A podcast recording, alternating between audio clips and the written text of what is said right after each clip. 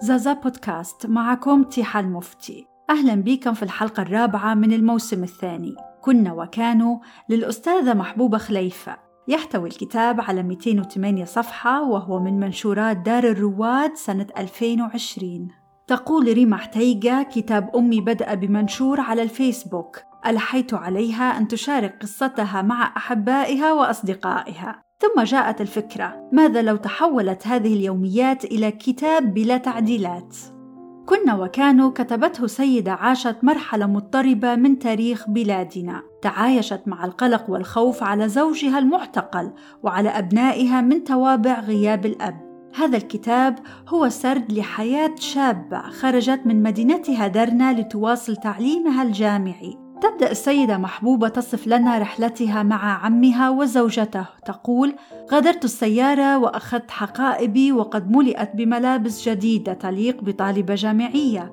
ودعتهم بعين باكية. تخطيت البوابة الرئيسية وكان المدخل فسيحا بغرفتين متقابلتين. الأولى على اليمين مكتب وسكن مس هيلتون مديرة بيت الطالبات الإنجليزية. والغرفة المقابلة صالون كبير للاستقبال. أرشدوني لغرفتي حيث كانت الشقق فسيحة وجيدة الأثاث. في أول ليلة ما جانيش النوم وسمعت صوت لراجل يغني غناوة علم أنا وين في البيضة ولا في القبة؟ سألت البنات عما يجري فعلمت أنه شرطي ليبي من حراسات القنصلية الإنجليزية التي كانت بجوارنا. يناجي في أنصاص الليالي ويبعث لواعجه حتى يطلع النهار. في اليوم التالي كان البيت عامرا ألقيت التحية وصعدت مع الطالبات إلى غرفة الطعام. دخلت المطبخ التي كانت تتصدره سيدة جميلة طويلة القامة سمراء شخصيتها طاغية. إنها خالتي حليمه المنقوش. كانت مسؤولة الطبخ الليبي وكان الإفطار باذخا ومتنوعا. كل العاملات في منتهى الانضباط. كانن يلبسن في كبوت أبيض فوق الزي الليبي وكنا نرى أطراف الحرام باين تحت البالطو. تحدثنا السيدة محبوبة عن مس هيلتون التي كانت بمثابة أم لأكثر من مئة شابة في بيت الطالبات. لا تهدأ ولا تتوقف عن المتابعة. هي إنسانة عانت من أهوال الحرب العالمية الثانية. حيث قتل خطيبها الضابط في طبرق نتيجة المعارك وظلت على عهدها ولم تتزوج. أما عن اليوم الأول في الجامعة تقول جهزت روحي وكانت في حافلة ضخمة تستنى فينا وصلتنا إلى الجامعة الليبية. اليوم أشعر بامتنان كبير لما قدم لنا وللأشخاص الذين أمنوا هذه الخدمات الممتازة لجيلنا.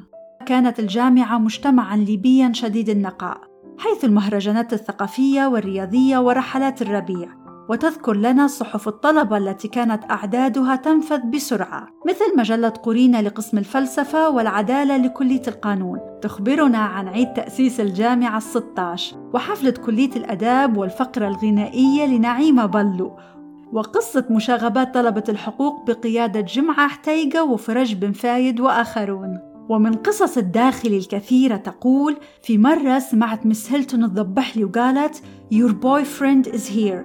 استغربت فأنا مش مصاحبة. نزلت خايفة وبسرعة فإذا بال boyfriend هذا هو والدي. ويبدو أن Miss هيلتون قد أعجبها ورأته لازال شابا حتى تكون له ابنة بعمري فحبت تتمسخر معايا لكن فجعتني. في السنة الثالثة حيث صعوبة المواد وكثرة الامتحانات كانت تلك العيون تلاحقني وأراها دون أن ألتفت. كان شابا وسيما شديد الاحتداد بنفسه وفي مرة وأنا طالعة من المدرج ناداني وقال أنه يريد أن يتقدم للزواج. تجمد الدم في عروقي ولم أنطق بكلمة. لم تمضي على هذه الواقعة شهور قليلة حتى تزوجت بجمعة حتيجه وكانت نتائج الدراسة جيدة بالنسبة لكلينا. تخرج هو وأصبح وكيل نيابة على الدرجة الرابعة. تلك الفترة تبدل الجو العام في ليبيا نتيجة الخبر الصاعق وهو إسقاط الطائرة الليبية بتاريخ 21 فبراير 73 فوق سيناء وعلى متنها خيرة الناس. كان وصول الجثامين ينقل مباشرة عبر التلفزيون الليبي. وأثناء مشاهدتي للوقائع الشديدة شعرت بأنني لست على ما يرام. وحملني زوجي إلى مستشفى بردوشمي وللأسف يبدو أنه من شدة الحزن أسقطت جنينا. بدأت أخبار الاحتقالات تتسرب والخوف يخيم على الجميع. في عز نومنا قمت منزعجة على أصوات طرق على الباب كانوا قادمين لاحتقاله. كنت في حالة ذعر. كيف نبقى بروحي؟ فاستأذنهم جمعة لأخذي لبيت بنت عمي مريم. ركبت معهم السيارة وقال لي كل شيء حيكون تمام أم غير ركزي على دراستك. فتحت لي مريم الباب واستغربت لما شافتنا في هالوقت المتأخر. ضبطتني وقالت له بالسلامة يا أبويا. وسألتني شنو اللي صاير بيناتكم قلت لها ماشي سلم في روحها. بكت المسكينة وقالت كنت نحسابها مزعلك. يا ريتني سلمت عليه ويا ريتني وسيته وصبرته وبكينا معا قهر الرجال وقلة الحيلة. سوف تعلم أسرتين بالخبر ويمتلئ بيتي بهم. كنت أتابع دراستي وأعود لبيتي وجاء عمي وزوجته للبقاء معي حتى أنهي الامتحانات. نجحت بتقدير عام جيد.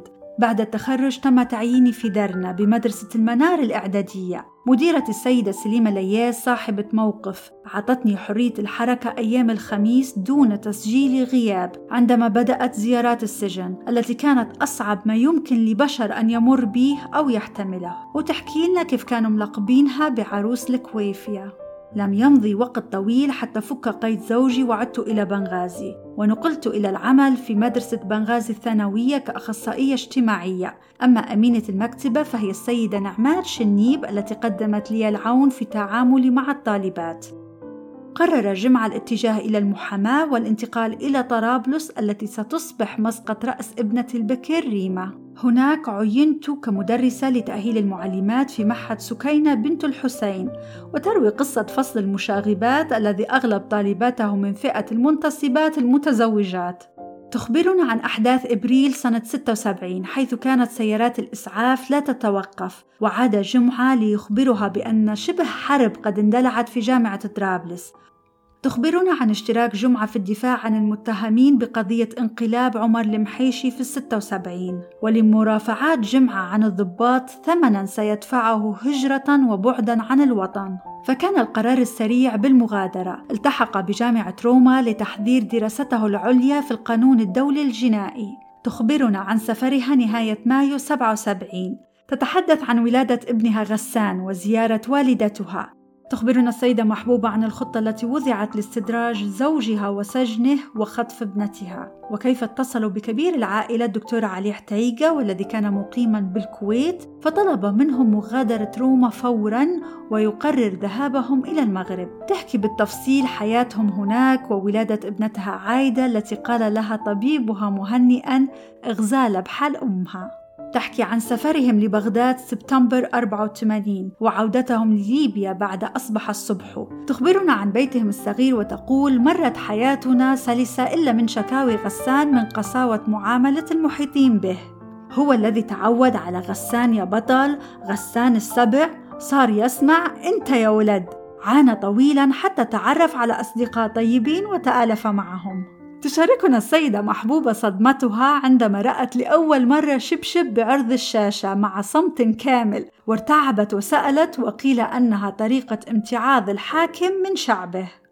في الأول من أبريل 1990 أي بعد عودتهم بعامين أبلغوا زوجها أن ضيوفا مهمين في المكتب يريدون مقابلته فتم احتقاله. وطبعا عايدة اللي كبرت واللي راحت مش مصدقة أن أبوها عايش برا ليبيا. ذات مساء قررت الحديث معها بصراحة. وبينما أنا أشرح وضع جمعة وأنه مسجون وإذا بالصغيرة تضحك وتقول الحمد لله. ففسرت لي يا ماما كنت نحسب بابا متزوج عليكي وبالتالي أسعدها أنه غير متزوج حتى لو كان محبوس. أطلق سراح جمعة في 14 إبريل 1997 تزوج أولادنا ورزقنا بأحفاد رائعين. إلا أن جاءني جمعة في يوم وقال لقد أرسلوا في طلبي وسأمثل أمام النيابة. تجمد الدم في عروقي وانتابني هلع شديد. أخذ علاء والده إلى المكان الذي استدعوه إليه. سيكلفنا هذا الاحتقال معاناة كبيرة وكان سنة 2009 أطلقوا صفحة على الفيسبوك باسم الحرية للدكتور جماع حتيجة واستطاعت أن تجمع أصواتا مما سهل إطلاق سراحه. كنا وكانوا كتاب مليء بالقصص والذكريات بداية من خلة الجامعة والكافتيريا والعروض السينمائية في بيت الطالبات إلى فزوات عسل ثرون وقصة كسكيس بغداد. السيدة محبوبة خليفة امرأة لم تختر طريقها لكنها أجادت اجتيازه عرفت كيف تصبح الأب والأم وتملأ بيتها بكل فرح. شكرا لاستماعكم ولقاؤنا يتجدد. تحياتي.